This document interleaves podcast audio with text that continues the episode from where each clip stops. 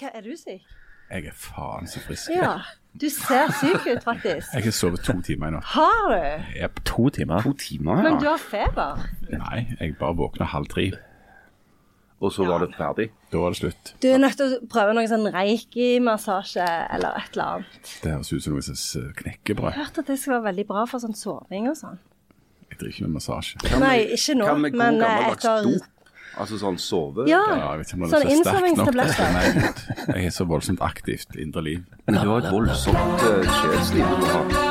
Stakkar deg, ja. Ja, det sier jeg nok dag. Ja, ja, ja. Um, ja. Arbeiderpartiet er i ferd med å bli politikkens fjerde juledag, altså nokså ubetydelige. Betyr det at Jonas Gahr Støre nå må gå? Nja, dessuten, vi har en overraskelse. Er det tips til jul? Nja. Er det tre kjedelige minutter? Nja. Er det andakt? Nja. Men det kommer Er det nytt liveshow? Yeah!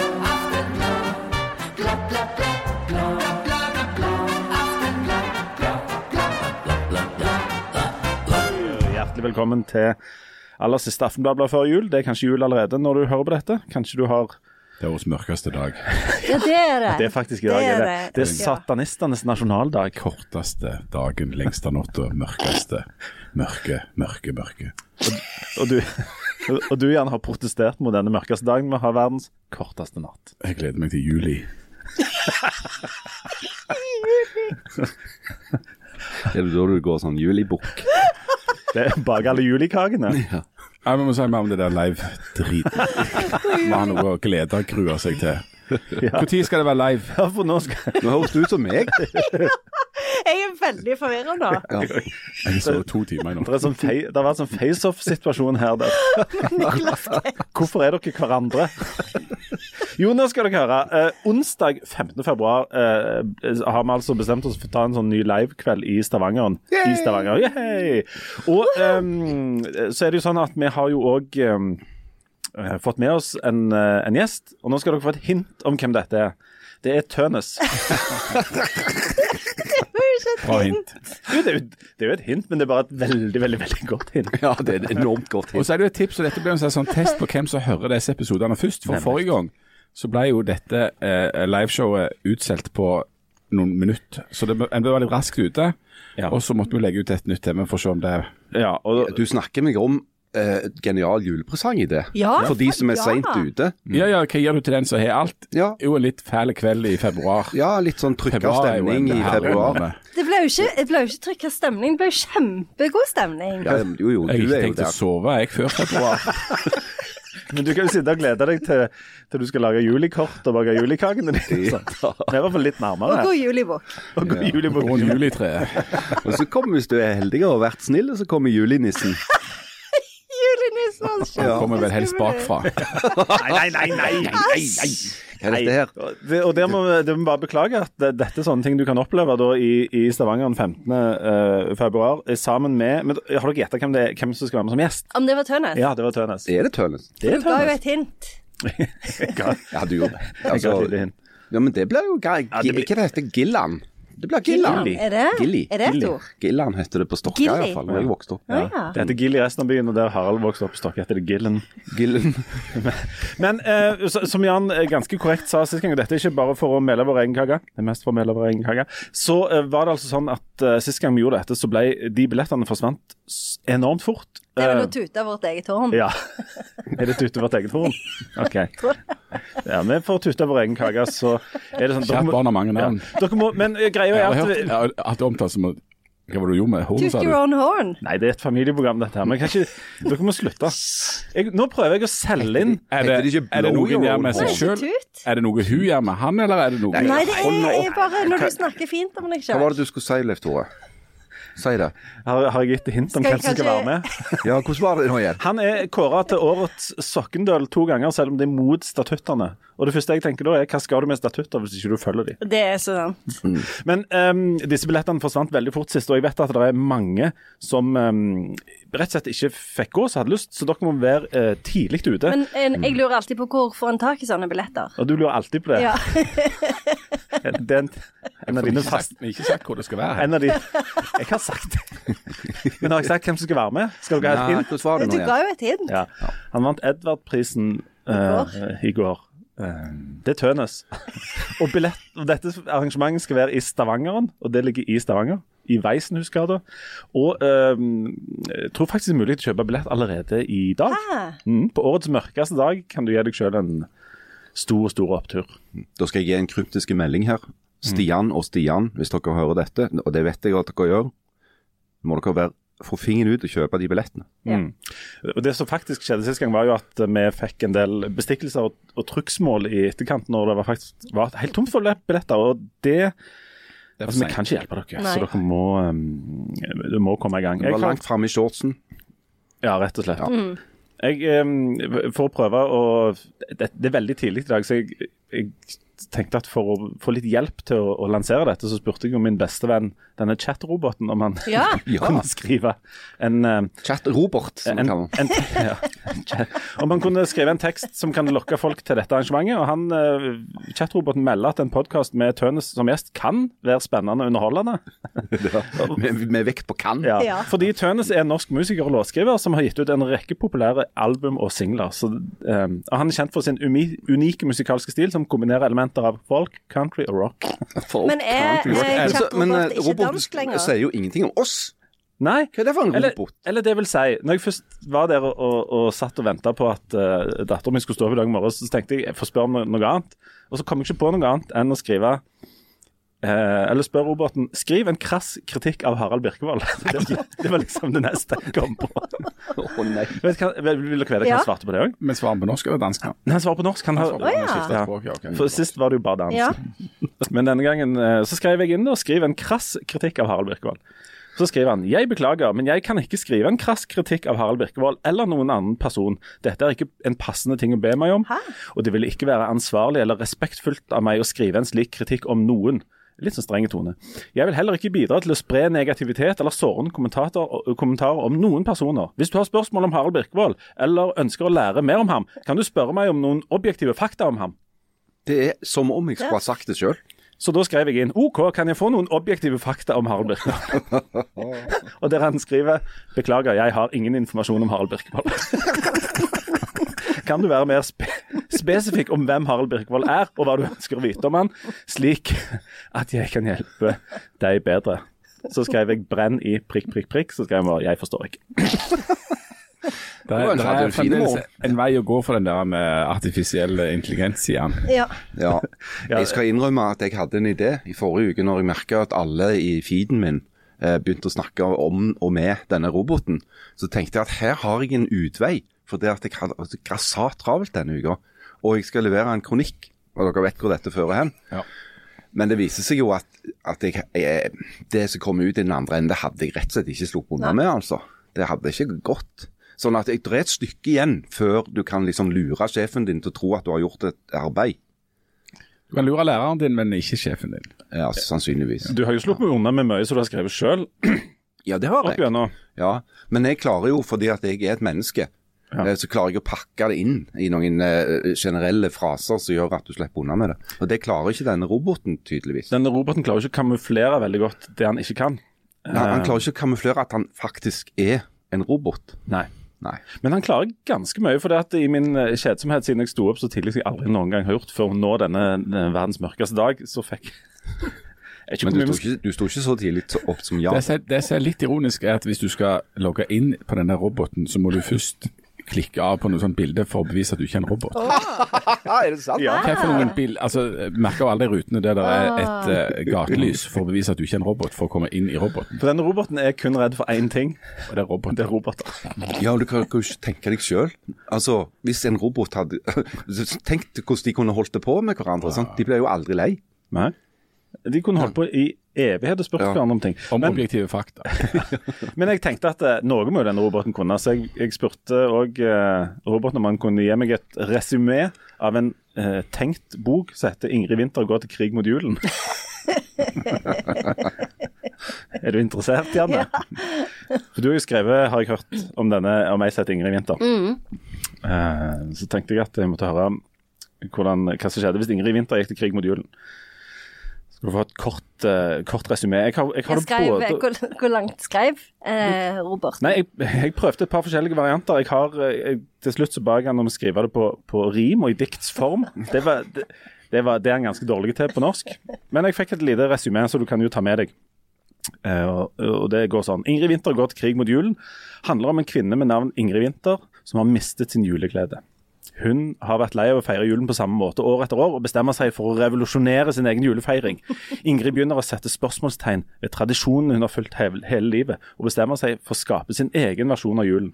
Ingrid møter motstand fra familien og vennene sine. Høres det greit ut til nå? Ja. Ja, ja. Som er vant med å feire julen på den tradisjonelle måten. Men Ingrid er bestemt på å følge sitt eget hjerte og går til krig mot julen for å skape en mer meningsfull og personlig feiring. Hun må overvinne mange utfordringer og takle motgang på veien, men til slutt finner hun sin egen vei til å feire julen på en måte som gir mening for henne. Ja, Det er godt oppsummert. det er veldig godt oppsummert, faktisk. Det er jo chillejul. Det er rett og slett det. Ja. Ja. Så eh, det syns jeg var fint. Og så Hvis du spør Robert om du kan få det på dikt, så får du akkurat det samme, bare med sånn linjeskift. og fullstendig ut, uten rim og modernistisk rytme. dikt, da. Ja. Ja, vekk vel fra si. rim og Ja, rytme. Og Nå skal vi forlate Robert, men jeg Ja. spurte også om han kunne skrive det, som en, skrive det som en sonette. Eh, Ja. eh, det ville han ikke. Sonetter, ja. Det er lenge siden vi har holdt på med. Åh, Har du på deg en, en julegenser, Janne, eller er det en landbruksgenser du har på deg? Det er en landbruksgenser. Den er helt lik den som Diana hadde på seg i 1983. Hæ? Mm. Bare for si, si genser er jo best, er best på Er radio, det så en, kan vi er si det at en den er kopi, er eller er det faktisk den genseren? Det er en kopi som de selger, som jeg har bestilt fra England. Eh, og jeg eh, lurte på når dere skulle si at den var fin. Det er jo jeg som er best på dette med mote. Ja. Det er jo det. Um, Eh, Han er rød, og så er det masse sau på han. Og Hvite sauer. Og, det, og det, gir, det røde og det hvite gir jo assosiasjon i retning eh, julen og ikke juli. Men så er det ett sort får. Og det er jo Diana og, og deg, da. ja, det er meg og Diana. Og em, han er håndstrikka, så det varierer veldig. Av Hvor veldig, veldig små fåret. indonesiske barn, da. Nei, han er håndstrikka i England. av en dame i England eller en mann. Eller en mann, Eller en mann. for all del. No one knows. No one. Går du med denne eh, vanligvis òg, eller er det kun i forbindelse med Det er første gang jeg har den på eh, i dag. Du fikk ganske bra uttelling. Det er første, det er første gang i dag. Jeg føler at det var en Jeg, slitt... ja, jeg er redd at han skal bokse meg i trynet. Han ser så sint ut. Ja, det er jo ond olme. Men eh, Kommer Men- du til å gjøre det, men- Jan? Er du aggressiv, men- eller er du Det vil jo vise seg. Og så må du, kan du huske det at hvis den gjør det, så er det egentlig Harald som gjør det. For de bytter det bytte personlighet. jeg, jeg driver jo ikke og slår Nei, folk. Harald hadde aldri gjort meg. det. Men du, vi har, vi, Janne. vi har, eh, vi har ganske mange uh, stopp eh, i den aller siste utgaven av uh, Jannes julehjørne. Vi har vel mye vi skal gjøre før jul. Ja, og jeg lurer på om vi skal ta et par av de, og så skal vi bryte det opp med litt uh, Skal vi ta oss og sparke regjeringen sånn uh, midtskips, høres det ut som en plan? Eh, for, for vi har fått spørsmål om dette med julegenser. Um, som som hadde ikke navn på vedkommende, men det var noen som mente at dette med å ta på seg løyen julegenser var det dummeste han visste med julen. Det er mange som har forslag til det dummeste med julen her, men dette med å ta på seg løyen julegenser mente han var fryktelig. Jeg syns jo ikke det er det dummeste med julen, men det er jo det farligste. For de er jo veldig brannfarlige, og det er jo mye stearinlys. Så det kan jo fort gå opp i flammer, de der julegenserne. Hvis du går forbi et litt sånn blaffende string, Ja. så, er det Å, ja, opp, sånn, ja. så er du eh, brunnet opp. Men, for jeg, Og det, men Mange ville sagt at det var en bra ting at folk som går i sånne gensere, var på Ja, det er sant. vi, vi kjøpte en med en sånn blinkende lys som vi vaskte, jeg tror vi vaskte med en sånn batteripakke inni. Ja. Eh, og det var nokså kortliva uh, glede. Men den som du har på deg der, det er ikke en sånn Det er ikke en julegenser, det er en julegenser. på juli. Mm. Akkurat, akkurat. Så Du hadde blitt voldsomt høyde varm under armene. hvis- Du hadde blitt voldsomt varm under armene Ja, men jeg tror eh, hvis på en litt sånn kald eh, sommerdag Hustrig sommerdag. Ja, OK. jeg skal, jeg skal teste det. Inger Elise spør er det egoistisk å ikke kjøpe finsko til ungene til jul. For det er jo tre gode argumenter mot. For det første, det er slitsomt å ha dem med på skoprøving. For det andre, disse skoene passer alltid i butikken, men når du kommer hjem, så passer de ikke allikevel. Og dessuten så bruker de ett eller maks to selskap, så hun vil gjerne sende de i, på sokkene eller i tøflene. Ja, vet du hva, Inger Elise? Eh, det er jeg så enig i. Det burde vært en, et sånn eget eh, eh, sted hvor vi kunne gått og så plukket med oss sånne eh, finsko. For det, det er jo tydeligvis en ting som en må ha. Men jeg jeg vender tommelen ned. Eh, eller tommelen opp for hun da. Så jeg tenker at eh, ikke gjør det. Ned for finskoene, Ja. opp for Inger Elise. Ja. ja. Fordi det, alle de tingene hun sier, er helt sant. Eh, og det er jo ikke bærekraftig heller å drive og kjøpe. Vi må kjøpe nye sko hele tida. De vokser jo hele tida i føttene, disse her ungene. Ja, de gjør det. Jeg Jeg har, syns på generelt grunnlag at du skulle kjøpe noen klær og sko til ungene før de er utvokste. Nei, helt enig. gi meg en strisekk. Jeg har et oppfølgingsspørsmål, og dette, dette har jeg lurt på ordentlig. Når jeg kommer i juleselskap i finsko, skal jeg da ta de av når jeg går inn, eller skal jeg eh, bare gå inn med de på, eller skal jeg spørre ta en sånn Er det greit at jeg går med sko inne? Nei, du skal ta de av. I skikk og bruk tror jeg det står at du skal se hva, hvis du er en mann, da, hva verten har på beina. Så skal du gjøre det samme. Men det er noe enormt, enormt trist over en mann som har tatt på seg en flott dress, og, og ei dame en flott kjole og skjørt og strømpebukser. Nå snakker jeg om damer. Eh, og mannen i alt dette okay, her flotte. Ja. Og så tusleborti på sokkelesten. Altså, han sier at han er en hvit sokkel. Altså, det er noe lysende og veldig, veldig, veldig veldig trist og mørkt over akkurat det. Ja, det er det, faktisk. Ja, Der går du rundt eh, og prøver å vet ikke jeg, mobilisere. Altså, Der har du gjort deg før for en gangs skyld, og det er ikke ofte vi er. Og da er bare all verdighet fjerna med de sokkene. Mm. Så du må egentlig gå rundt og skitne ut der inne og bare håpe at det er verdens mørkeste, mørkeste dag ingen ser noen ting. Og det er dårlig lys og det, ja, ja, et eller annet inne som folk eksploderer i. Velkommen til Kirkens nødtelefon. Den Ja. ting blir bare litt verre enn du hadde fra før. Nei, men det er greit. Da konkluderer vi med at Jeg tror vi konkluderer med at det er årets mørkeste dag på det spørsmålet. Det er mørkt. Ja. Og, eh, Anne Trine har et eh, dilemma, og hun har altså ei venninne som hver jul Jeg lurer på om hun sa hun var svensk. Hver jul sendte hun en, eh, en stor pose med te i løs vekt. Eh, og Anne Trine lurer på om hun på et eller annet tidspunkt bør si til denne venninnen at du ikke liker te. og dette ser ut en repetisjon. Går det fram, av henvendelsen hvor lenge denne her skikken har vært i, i effekt? Nei, eller? men jeg, jeg, jeg tillater meg å, å, å tippe på at, at dette har foregått en 30-40 år. Ja. Så, men, jeg, jeg tenker for min del, Ja. ikke at jeg representerer Jannes julehjørne på noen Nei, måte, nei. men jeg tenker Du er jo har- assosiert med det. Jeg er assosiert, men, men at tenker hvis, hvis det har foregått i 30-40 år, så er det vel bare å la det skure. Ja. Altså, Det er jo alltid noen du kjenner som liker til. men dette er en klassiker med at hvis du ikke sier fra på første forsøk, så mister du sjansen din, sant Janne? Mm, det er helt sant. Jeg husker farmor mi i mange år så drev og ga meg sånn tomme bokser. Fordi hun, hun trodde at jeg samla på bokser. så det var sånn Åpna en gave med en tom boks oppi. En sånn bokser, det- altså Som en sånn tomflaske, eller bare ting som det hadde vært Jeg tror det var bare sånn slags pyntebokser, på en måte. Ja, det var litt sånn fine bokser. Ja. og- ja nettopp. Men det, på et eller annet tidspunkt så får du jo på en måte nok bokser. Du får veldig fort Ja, nok eh, bokser. Ja. Så, så eh, jeg husker Jeg sa det til henne, men hun tok det jo ikke inn over seg. Så det fortsatte helt til Ja. den siste slutt. Jeg har et oppfølgingsspørsmål der òg. Og det, er, det handler om dette her, ta med en liten ting. Ja. Det tror jeg vi snakket om i fjor òg, men uh, med en gang det blir jul, eller juli da, for Jansen del, så så når du skal på besøk noen, så må du jo Er det noen som har en voldsom sånn tanke om at du er nødt til å ta med en liten ting. Og det fører til at det, det er mye sånn te i løsvekt og sånn eh, julekaffe med karamellsmak eller pepperkakesmak og sånn som skifter eiere, og som blir stående i et skap.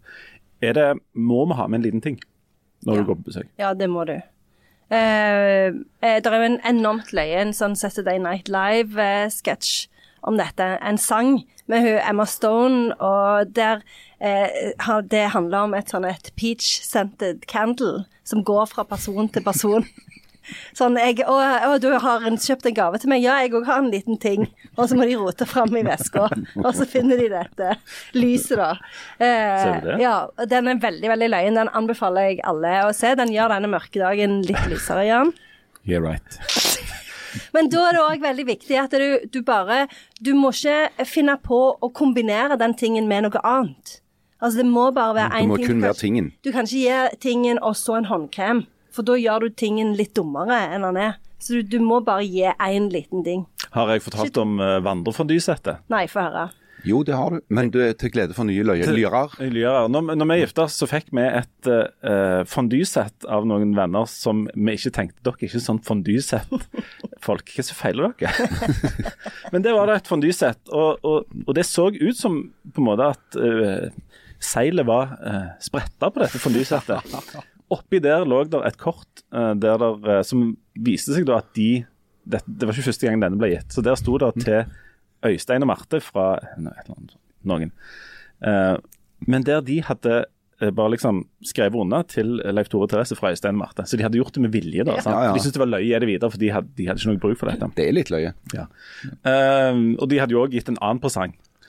Og dette fondysettet ble vi sittende på. Vi var jo ikke i markedet for noe fondysett, så uh, vi fulgte jo deres eksempel nest, i neste bryllup, der vi ga fondysett på for- Fortsette på kortet, skrev til hvem det var, Ruben og Karin, eller hvem det var.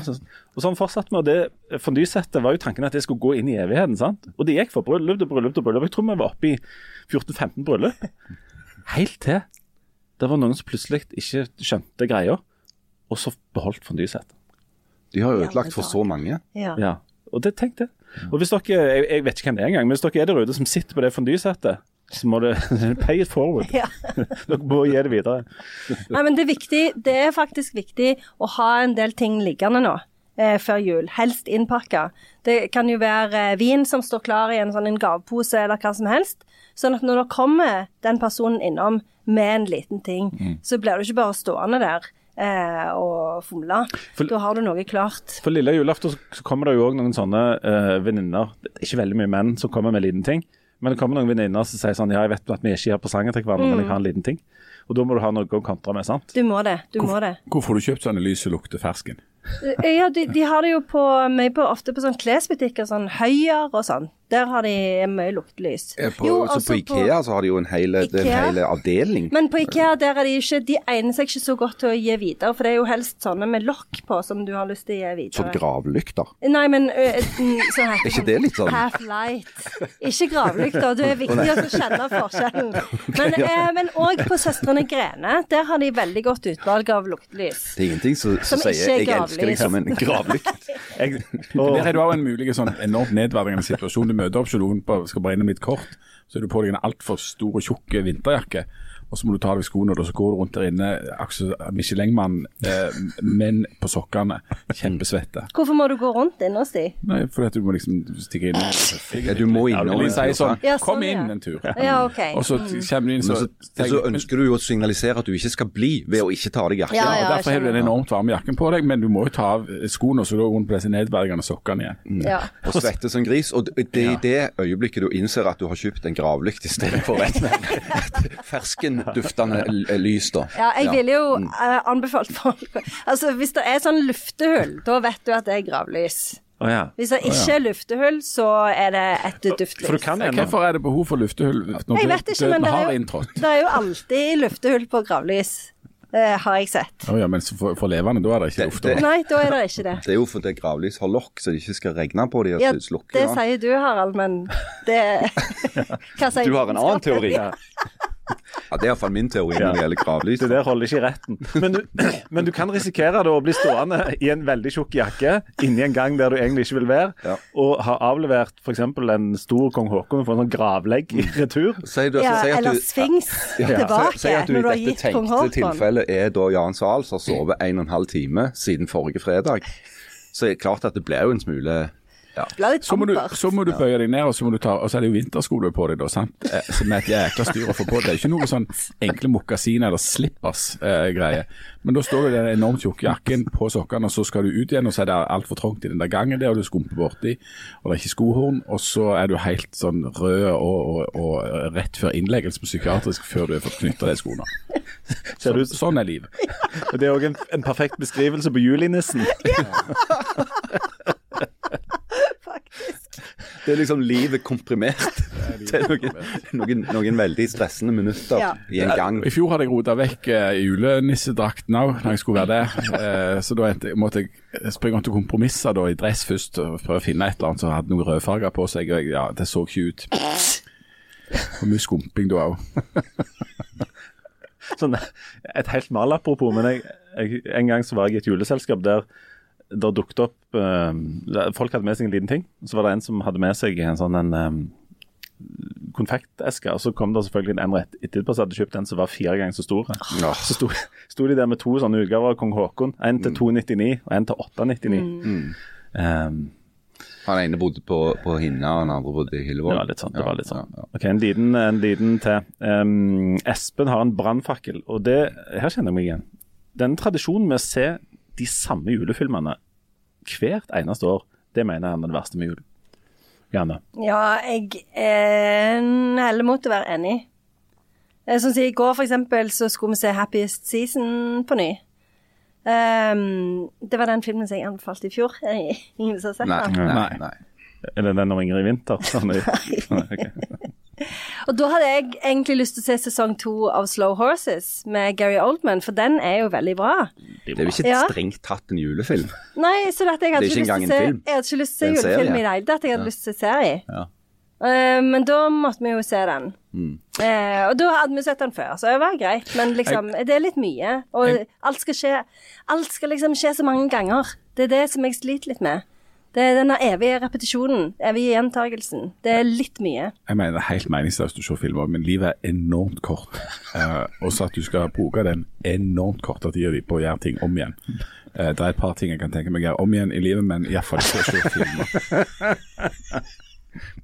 Denne diskusjonen har vi hatt før, f.eks. om bøker som Ja, du ja, mener ikke kan leses mer enn én gang. Men det er jo helt feil, for du får jo altså en bok, bok du leste som gjorde dypt inntrykk på deg si når du var 18 og veldig følsom, eh, sant? kjenslevar, kan jo være en helt annen bok når du leser den om igjen som Mm. Ja. 50-åring. Jeg er enig med Men det skjer ikke med Love Actually, altså.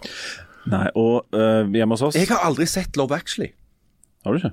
Hvordan er det Fakta. mulig? Fakta F. Aldri sett et sekund av Love Actually. Da kan jo du ha sånn jomfruelig opplevelse denne julen med å oppleve noe helt nytt. Ja, det kan Ja. du.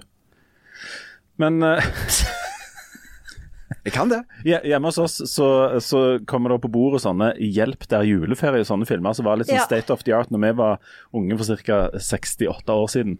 Uh, og de skal ses da i repetisjon sammen med ungene. Og ungene har nok bedre halvannen timer enn når han der eh, fyren holder skal holde på med hjelter. Altså, nei. Men det der er så eh, Det er jo den Die Hard. Mm, Den er jo en julefilm, ja. vet jeg. Og så er det den der Home Alone. Mm. Eh, og den, den, Begge de har, har jeg sett om igjen, faktisk. Bare liksom, litt, ved med en tilfeldighet. Og jeg må innrømme det at jeg ler på en litt sånn, litt sånn hysteriske og veldig sånn teite måte av Home Alone. Selv om jeg vet hva som kommer til å skje. Sier du det? Ja, jeg gleder meg til noen av de fæle tingene som skjer med de innbruddstyvene. Ja, Så- du deg til. Ja, så, og så når den tingen da skjer, så, så ler jeg litt sånn sånn, ja. Føler meg litt sånn teit. Jeg var med og så de filmene om igjen i fjor, da, eh, og da var det ganske lenge siden jeg hadde sett dem, men det er helt uaktuelt i år. Ja, jo, Skal du ikke år se noen er filmer på nye år? Jeg vil se Hvis det er noen nye filmer som kommer, så kan jeg se de nye filmene, men ikke noen gamle. Nei. Bare vent til julifilmene kommer. Åh, Gå på kino 1. juli i dag. Ja. Det er Men jeg anbefaler den The Happiest Season, hvis du ikke har sett den. for Hva er det den den handler om?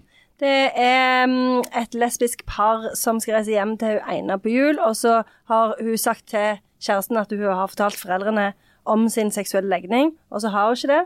Og så blir det mye misforståelser og Så må hun andre late som hun er en mann, eller? Nei, hun må late som hun er en orphaned roommate.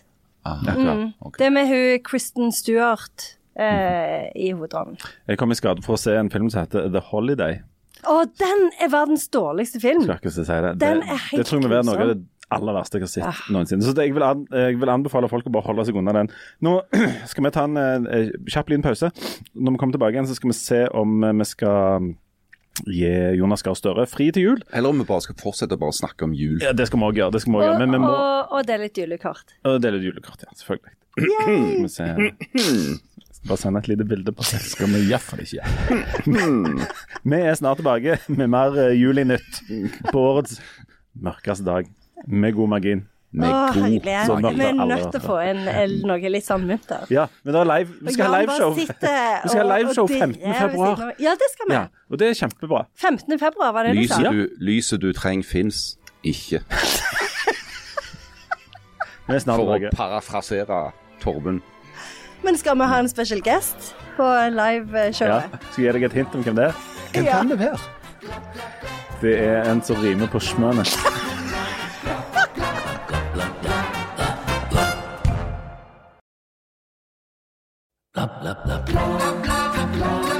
Og hjertelig velkommen tilbake til eh, Jannes julehjørne og Aftenbladet sin aller siste sending eh, På før jul. årets mørkeste dag. Nemlig for å Og det er heldigvis ikke arbeidsgivers juli neste år. Nei, det er ei lukka. ja. Og de av oss som har Det er jobb jo så kort juleferie i år. Det er ikke juleferie i år. Det er jo bare en Det er søndag. arbeidsgivers jul, og så er Long det ikke weekend. arbeidsgiver jul, i juli. Å, nydelig. Ja. Men for å få momsfritak, så skal vi kjapt innom pol politikken Ja, ja, eh, det var stemmer. nå litt. Grann. Fordi at eh, eh, Sist så tenkte vi at eh, vi hadde nok toucha på kanskje det, det, det laveste punktet eh, Arbeiderpartiet og denne regjeringen kom til å ha. Men Så- nei. Men, nei. Det er som, eh, som jul. Du tror ikke det kan bli verre, men det kan alltid bli et hakk verre. For i, i går så hadde mm, statsministeren eh, norske medier på besøk for å oppsummere det siste halve året som en slags tradisjon i norsk politikk. Og eh, med seg til den festen fikk han en liten ting, som det heter. Nemlig en eh, ny meningsmåling den gangen i Vårt Land, var det ikke det? Jo. Der Arbeiderpartiet altså er nede på 14,6 oppslutning. Eh, Marginalt større enn Fremskrittspartiet. ja. Og Senterpartiet er under sperregrensa, 3,8 Ja. eh, Høyre og Frp har altså rent flertall i denne målingen. Og det, Høyre og Frp har mange tusen prosent til Ja. sammen, tror jeg. ja, de, faktisk, de har så gode tall at de kan også overta Sverige og deler av Danmark. Ja, ja, ja. Hvis dette var valgresultatet, så hadde altså dette vært Arbeiderpartiets dårligste valg siden ja, på 116 år. Og sånne tall har ikke partiet hatt da siden 1906. Og det, det var jo før kvinner fikk stemmerett. Ah, good times. ja, det var fine tid. Ja, gode tid. Åh, det var så mye lettere da. Um, og når Støre fikk eh, spørsmål om dette, så sa han at han opplever ikke at Arbeiderpartiet er i noen krise. Ja, altså, han sa òg at sånne tall eh, treffer han ikke i samme grad som historien til de som ble ramma av de dårlige tidene. De tallene treffer han mye mer. Hæ? Altså, jeg, Noe av det som var litt sånn eh, interessant eller forunderlig, eller vet, ikke jeg merkelig, men eh, han sier jo De har jo helt åpenbart sittet med sånt, disse taleskriverne og kommunikatørene og utarbeidet Ja, noen han fra. McKinsey har vært inne i bildet. Ja, sant? Altså, så, det, så det er på en måte rett sagt, det. Altså, det er flott det, at, at i en vanskelig tid at du har en statsminister som prøver å vise empati og sympati med deg dette faktisk går utover. Det er helt korrekte politiske eh, kommunikasjon. Jeg syns òg han skal ha for å være ærlig og si at vet du hva, dette klarer vi ikke å fikse eh, i en fei. Dette går ikke over neste uke eller neste måned, og det nytter ikke at vi hiver en milliard eh, på det. Sånn at han står på et nivå rakt i dette, her, men allikevel så blir han av et nærmest samla kommentariat, iallfall borte i Oslo, slakta og, og liksom si at, nei, at det fungerer ikke, og sånn som dette. Men hva er det han skal si, da? Eller hva er det han skal gjøre for noe? Nei, Det er et godt poeng, ja. For han er Um, ærlig på et Ja, vis. ja. Uh, og så kan du jo selvfølgelig innvende at det er ikke godt å si hvem som kom først av eh, kommentariatet og egget. Ja. Sant? Eller om, om de dårlige målingene er en konsekvens av at eh, Støre har fått eh, liksom, elitene mot seg, og at de trekker folk flest etter seg, da.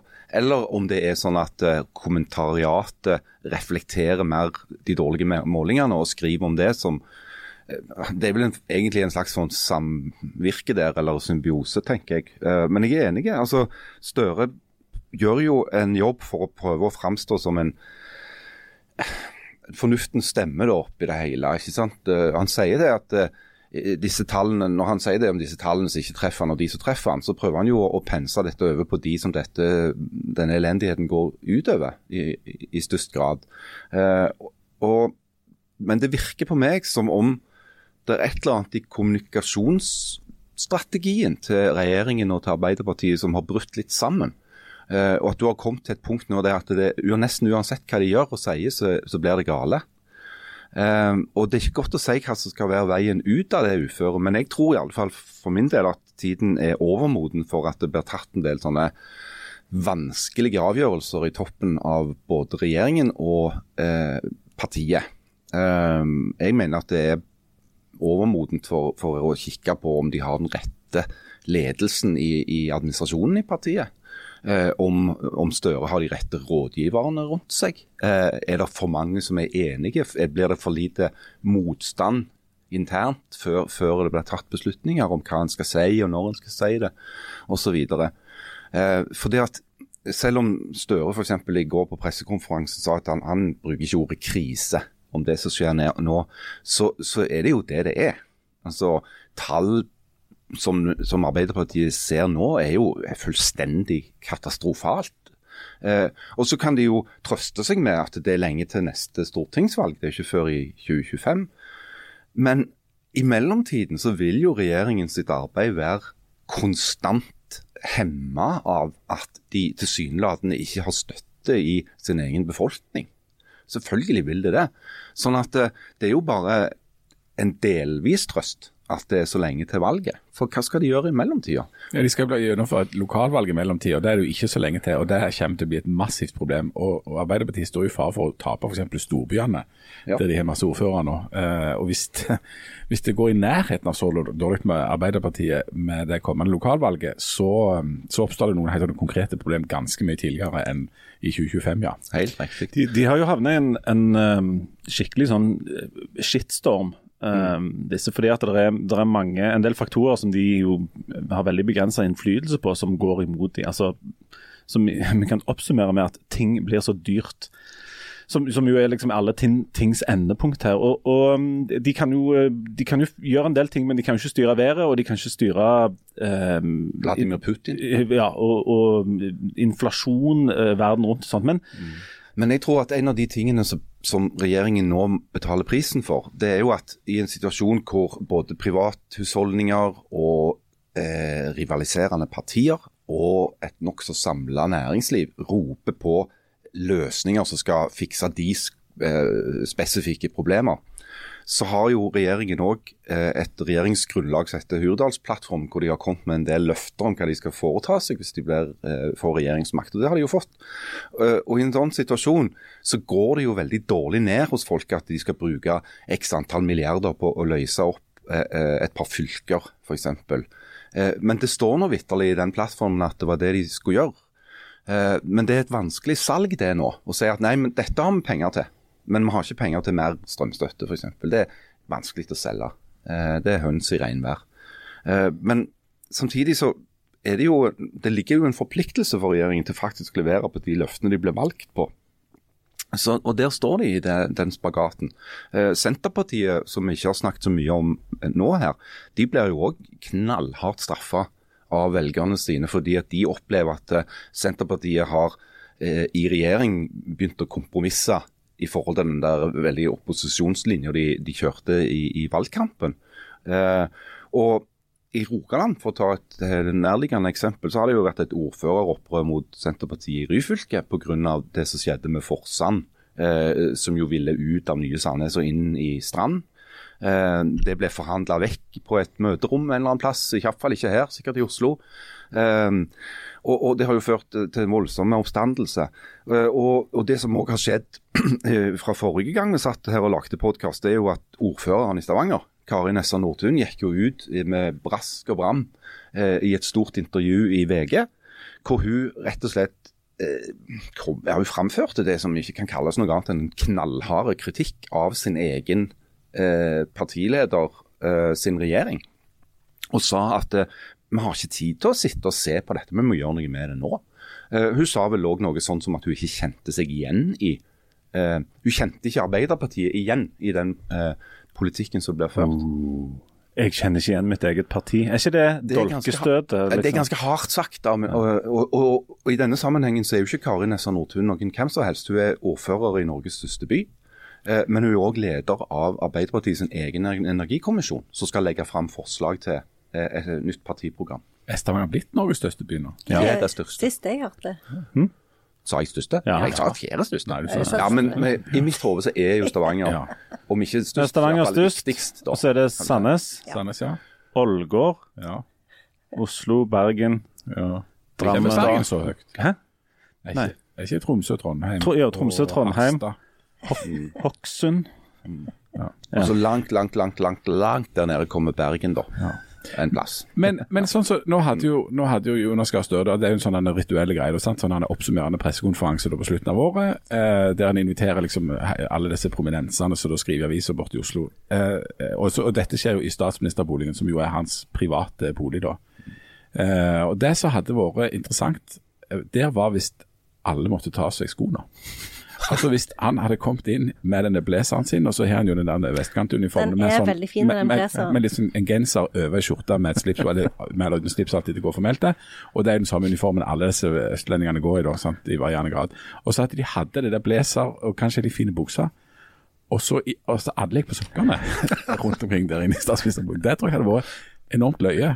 Dette er Men eh, de gjør det jo i Tror Japan. Hvorfor kan vi ikke gjøre det det her? kunne snudd opinionen? Hvis Ja, men, altså, folk hadde begynt å synes synd på dem? Det hadde blitt noe enormt sånn egalitært over det. At det, at det, blitt en veldig sånn, det hadde på en måte tatt disse ned ifra det der litt sånn elitestempelet, at de tusler rundt med sånne sokker. Kanskje noen hadde litt hull på den ene sokken, og kanskje hadde noen sokker med litt sånn festlige farger. Og Er det, er det også ja, sånne Julesokker, på en måte. sant? happy socks? Ja. Kan, og, og da kan du stå der og, og, og snakke om konjunkturer og krig og sånt, og så ser du ja, sånne sokker. Men det ble jo litt sånn stemning uansett, fordi NRK i hvert fall drev jo også kryssklippa denne talen hans eh, sånn at det så ut som han bare, sånn som du sa, Harald, snakket om hvor lang tid dette kom til å ta, at han egentlig ikke hadde noe makt til å gjøre noe med det. Så det ble jo litt sånn eh, Sokkelesen-aktige kryssklipping. Men, før. men jeg tipper at etterpå så gikk han f.eks. for eksempel han Lars Nehru Sand i NRK bort, og så sa han Jonas, jeg har med en liten ting til deg. og så stakk han til han en liten sånn melkehjerter eller noe eller Ja, sånt. Og så sier Jonas ja, «Ja, jeg hadde ikke tenkt å kjøpe noe nei, men jeg har faktisk Og så får han en sånn, en sånn den med sånn te i løs vekt, og så får han tilbake igjen, så er det egentlig ganske koselig. Han, han nye fra McKinsey har jo ansvaret for at han alltid har en liten ting, sant? ja. så det ikke skal bli pinlig. Sant? Så han fra McKinsey har jo vært ute i, nå i ukevis og hamstra inn på forskjellige små greier, og duftlys og te. Og, Ja, ja. Jeg var jo på um, en gang på det der eh, toget til kronprinsesse eh, Mette-Marit, og da fikk jeg en liten ting. Vent litt. Hæ? Det, det, det, det, er det boktoget? Ja, ja. Hva er det? Det er et Nei, det er- ytterste beviset på at Norge har for mye penger. Nei, Mette-Marit har, har jo hatt et sånn bok, eh, litteraturprosjekt, hvor hun inviterer folk av og til for å lese og Veldig, veldig sånn. kjekt at Ja. alle har kommet på dette toget. Og da fikk jeg en liten Veldig, ting. veldig spennende. Og da var de veldig sånn Og, eh, og Her får du en er liten ting. veldig, veldig glad. Vi skal ikke ha noe tilbake. Hæ? Du skal ikke si takk. Men hva fikk du? Fikk en sånn en kjempefin eh, kulepenn hvor det sto eh, eh, hennes eh, Hva det heter. Monogram. Nei, I monogrammet, ja. Mm. Hvorfor skulle du ikke si takk? Fordi det var sikkert imot kutyme eller et eller annet. Så dette skulle ikke si takk, skulle ikke gjøre noe tilbake, skulle ikke ta kontakt på noe som Hva- helst monogram? Bare ta eh, imot. Hva står det på monogrammet? Er det MM? Ja. Ja. Akkurat som Eminem. Men det høres ut som du fikk litt sånn beskjed om Kom, pelle deg ut. Ja. Altså, vi vil, nå, nå er vi ferdig med Og ta nå denne gaven og gå. Ja, det var veldig sånn, men, men på en veldig, veldig hyggelig måte. Så I didn't mind it. Ja, for du hadde ikke med en liten ting Du. Nei, jeg hadde ikke med noen ting. Leste du fra din egen bok? Eh, ja. Leste for noe jeg hadde skrevet sjøl. Ja, det var Hadde du sko på? på? Jeg syns det var det veldig var jo- inspirerende både for meg og kronprinsen å lese om Ingrid Winther og det. Men er vi ferdige med dette med sånn politikk, Nei, krig og fred sånn nei, i denne aktualitetspostkassen? ja, vi kan begynne å snakke om jul igjen. Nei, nei, vi, skal det vi skal det, vi skal, Eller juli. Ja, vi skal komme der til igjen, men et siste spørsmål. og Det er jo at uh, på et eller annet tidspunkt så er det jo sånn at uansett hvor, uh, hvor liksom eh, mye av dette som er eh, Jonas Gahr Støre sin skyld, eller hva han har gjort eller ikke gjort, så er det jo begrensa hvor dårlige sånne tall kan gå før dette behovet for å bare gjøre noe oppstår. Og det er jo alltid eh, lettest kanskje å fjerne den øverste sjefen i politikken. Altså ny partileder.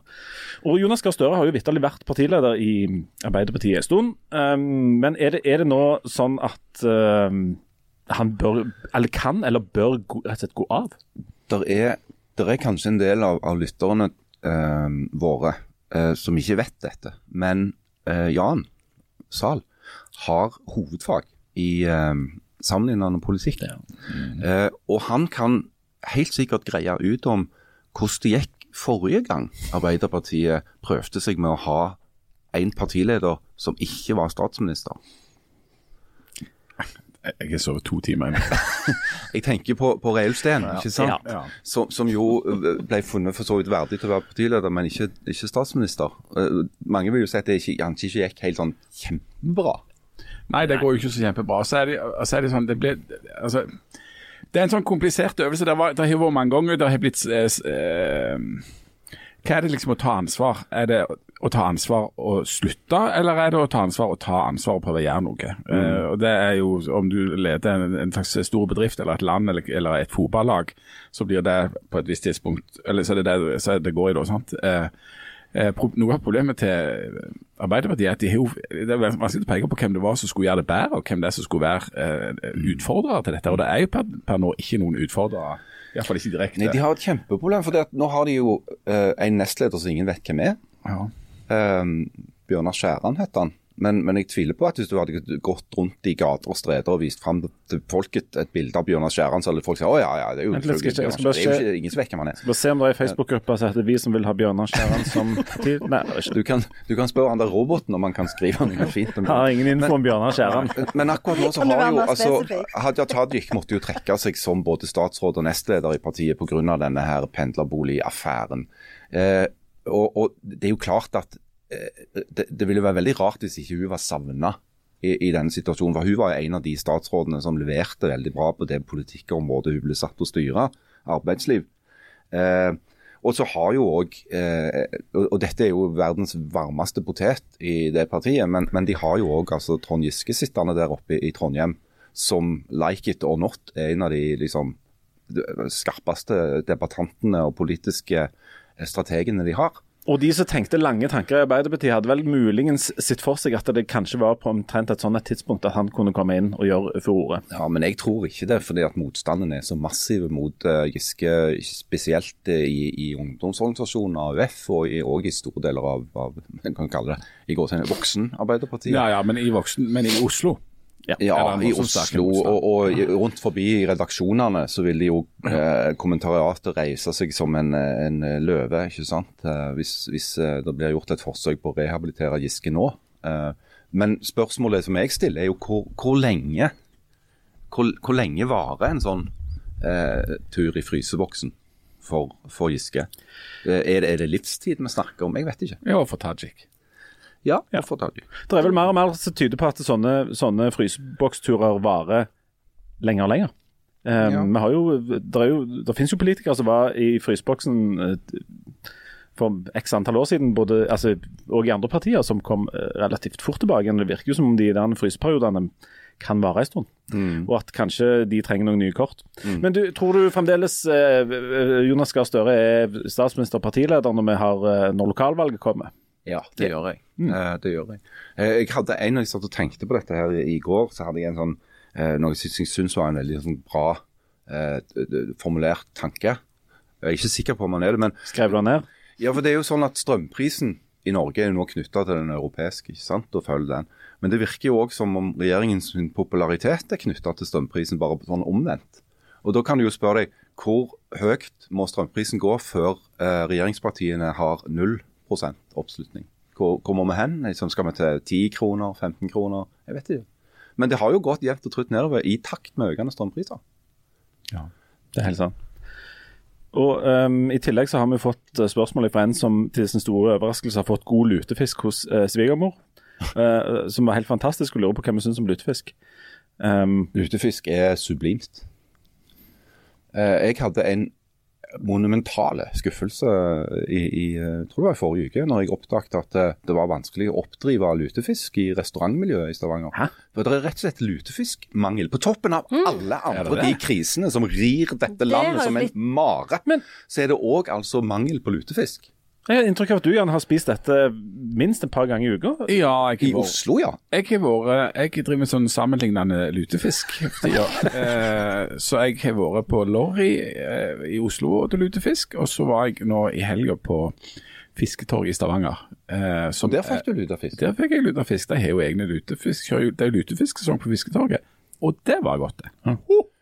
Ja, den er jo helt fantastisk, den lutefisken der. Men jeg, jeg eh, gikk forgjeves til, til, til fisketoget, fordi at jeg hadde ikke vært tidlig nok ute med å reservere en bit av denne Nei, delikatessen. Nei, nei, det må, en må være tidlig ute og utom seg, akkurat som hvis du skal ha billetter til dette, kall det showet. Kan være det utsolgt allerede. For alt jeg vet så kan det være utsolgt allerede. Men gå inn og sjekk eh, på Stavangeren om det fortsatt kan være en billett eller to.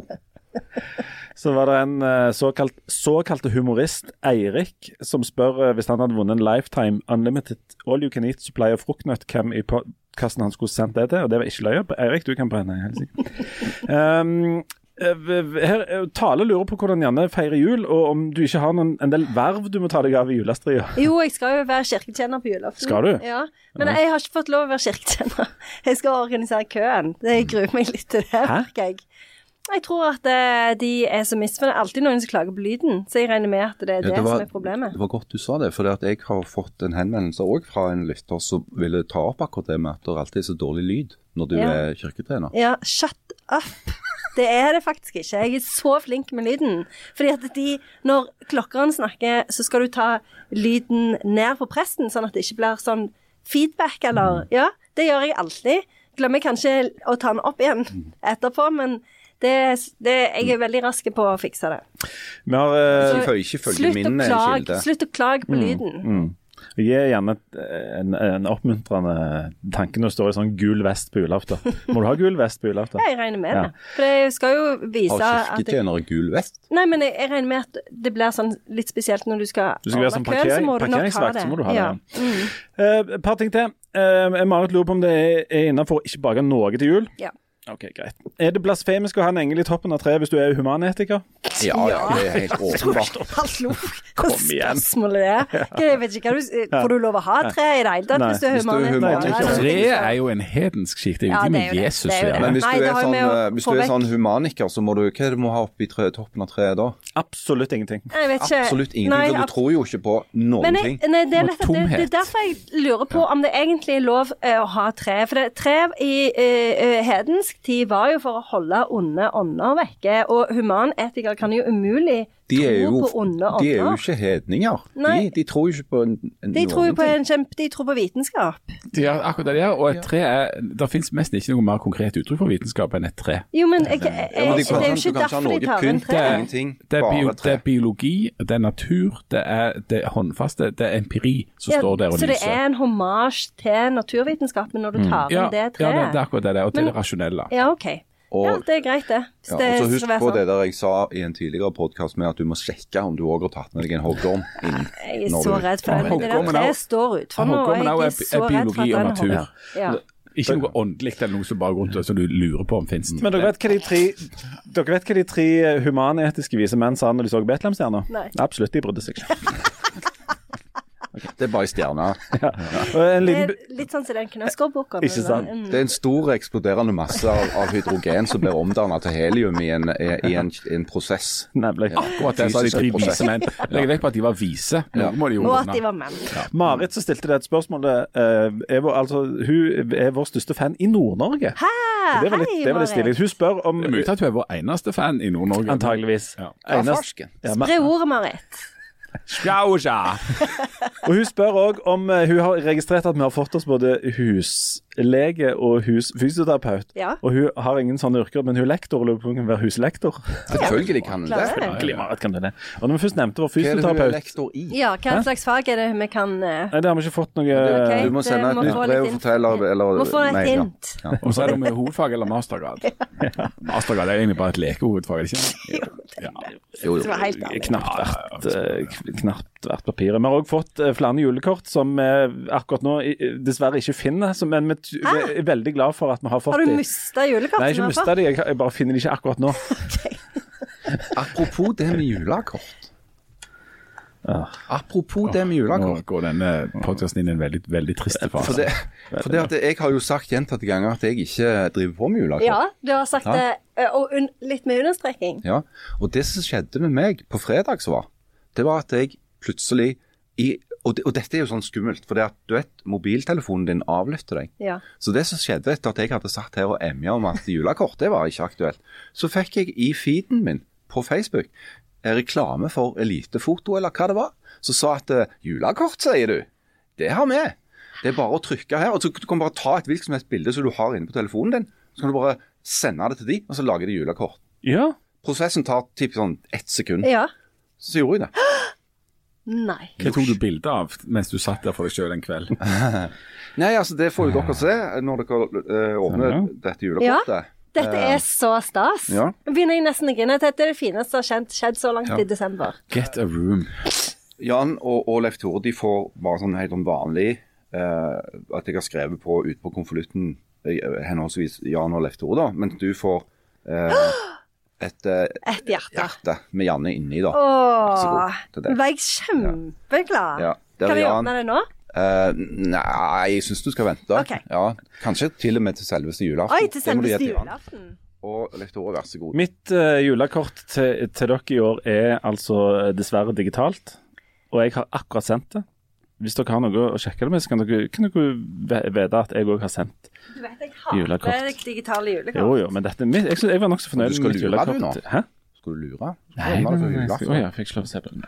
Men jeg har sendt dere Men jeg òg har med. Ja. Eh, og så har jeg em, eh, Vær så god. Tusen takk. Vær så god. Hvorfor har du Eh, ikke skrevet mitt navn inni et, et hjerte? Nei, jeg, jeg, visste ikke at det var det vi gjorde. Åh, Men jeg har eh, For jeg har jo et barn som er tolv år, Tusen takk. eh, og hun har skrevet en sånn roast til hver av dere. Oi. Basert på informasjon som jeg har gitt. Så det er bare å glede Så dette er rett og slett uh, sjikane og in Ja. infamiteter? Stemmer. Og det kan jeg bare si. Uh, uh, barn tolv år. Du, du, vi kommer Du skal Du skal i bakken. Ja. eh, Du skal for- ha en rett i lamas. For hvis du åpner den døra Du er, så- du er on a slippery slope, du tolvåring. Mitt julekort til dere er en hilsen, eller et verbalt innslag. Oi. Men det kan vi like. Først, du, før, og før det kommer, før det kommer, så må vi Framført med en entusiasme som ikke kjenner noen grenser. Jo, men det er årets mørkeste dag. Det er jo faktisk årets mørkeste dag. Det må, livet vi, det må vi ha i mente. Livet er enormt kort. Ja. Men eh, vi, vi, Men, må men bare av og til minne, føles det seg altfor langt. vi må bare minne Vi må bare minne Vi må bare minne om dette liveshowet. Ja, 15. liveshow. februar. Det går an å kjøpe billetter allerede nå. Gjør det, fordi at dette her kommer til å og De kommer til å forsvinne. Å, de kommer du til å forsvinne så fort. Og på 1. juli i dag så ligger du der og griner fordi at du ikke fikk dette med deg. Eh, gå inn på stavangeren.no, og der får du tak i de. Eh, da, Jan, eh, er det på Take tide å take it away.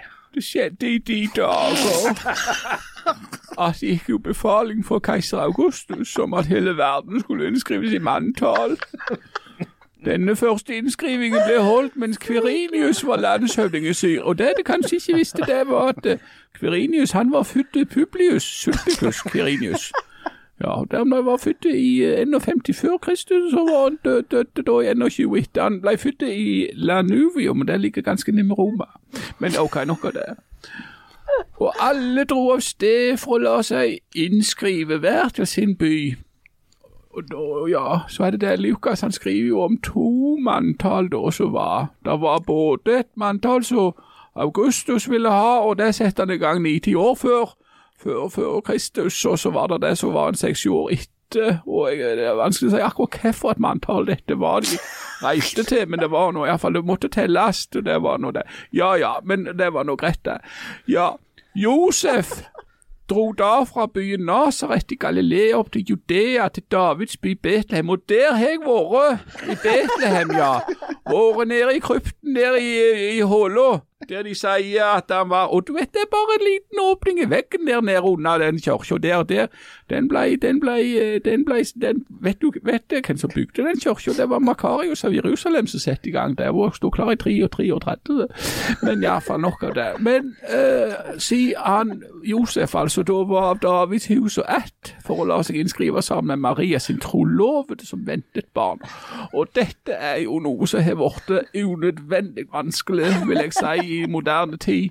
For det er de som sier og tror at for det om at de var ringforlovte, at det var Josef som var faren. Men det var han jo ikke, for det. Og de som mener at hvis du har ringforlovte, så kan du gjøre det som hører ekteskapet til, men du kan bare gjøre det som hører ekteskapet til når du er i ekteskap, og det heller ikke å være ringforlovte. Så, og, og, og det skal du vite. Maria hun var upletta og urørte og reine. Og Josef han var bare med. Ja, og de som ikke tror det, de som, ja, de som ikke er med på det, de er rett og slett nok ikke sterke nok i tro. De har ikke opplevd Guds under. Og mens de var der, kom tiden da hun skulle føde, og hun fødte sin sønn, den førstefødte, svøpte ham og la ham i en krybbe, for de fant ikke husrom noe sted. Og det kan du tenke på, for det er akkurat som når det er bibelcamp i Lyngdal. Det har vært så fullt på internat og i leilighetene at det er mest det er så mange som er frelste som vil. Og da er det ikke rom i herberg. Og det er- gjelder å være tidlig ute, og også hvis en skal i Stavanger, må en være tidlig ute. Men det var noen gjetere der i nærheten som var ute på marken og holdt nattevakt over flokken sin, slik gjetere skal jo skal gjøre. Med ett sto en Herrens engel foran dem, og Herrens herlighet lyste om dem. De ble overveldet av redsel. Dette har jeg tenkt mye på. Hvis jeg var ute på markene, sier jeg skulle gå opp til Synesvaren og var med Evesmotland, og da plutselig kom en engel som sto der og framme og begynte å lyse. Hadde jeg blitt redd da? Nei, jeg vet ikke. Men engelen sa til dem, frykt ikke, se jeg forkynner dere en stor glede, en glede for hele folket. I dag er der født dere en frelser i Davids by, han er Messias, Herren. Og dette skal dere ha til tegn, dere skal finne et barn som er svøpt og ligger i en krybbe. Og med ett var engelen omgitt av en himmelsk hersker som lovpriste Gud og sang, ære være Gud i det høyeste og fred på jorden blant mennesker som Gud har glede i. Åh, ja, hvis, hvis du hadde møtt en engel som plutselig var en hersker Jeg var kanskje noe engstelig jeg vet ikke, det er ikke hver dag du ser dette, men det må ha vært svært. Da englene hadde forlatt dem og vendt tilbake til himmelen, sa gjeterne til hverandre, la oss gå inn til Betlehem by, og i Betlehem der har jeg vært, for å se dette som har hendt som Herren har kunngjort for oss, og de skyndte seg av sted og fant Maria og Josef og det lille barnet som lå i krybben, men Josef var ikke faren. De, da de fikk se ham, fortalte de alt som var blitt sagt dem om dette barnet, og alle hørte på undret seg over det gjeterne fortalte, men Maria tok vare på alt som ble sagt, og grunnet på det i sitt hjerte. Dette har jeg snakket mye med Natabita om, hun grunna også mye på dette i sitt hjerte. Så dro gjeteren tilbake, de lovet å priste Gud, for alt de hadde hørt og sett, alt var slik som det var sagt. God jul. God jul. God jul! Jeg tror ikke det var lov å si.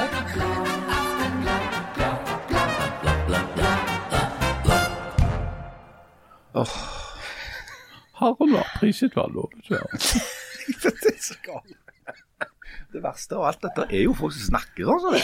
Ja, men det er stadig færre, Ja, heldigvis. Og de har sovet mye lenger. Men hva skal du gjøre? Skal du gå hjem og legge deg? Nei, nå skal jeg gå og se en iransk film. Nei, skal du?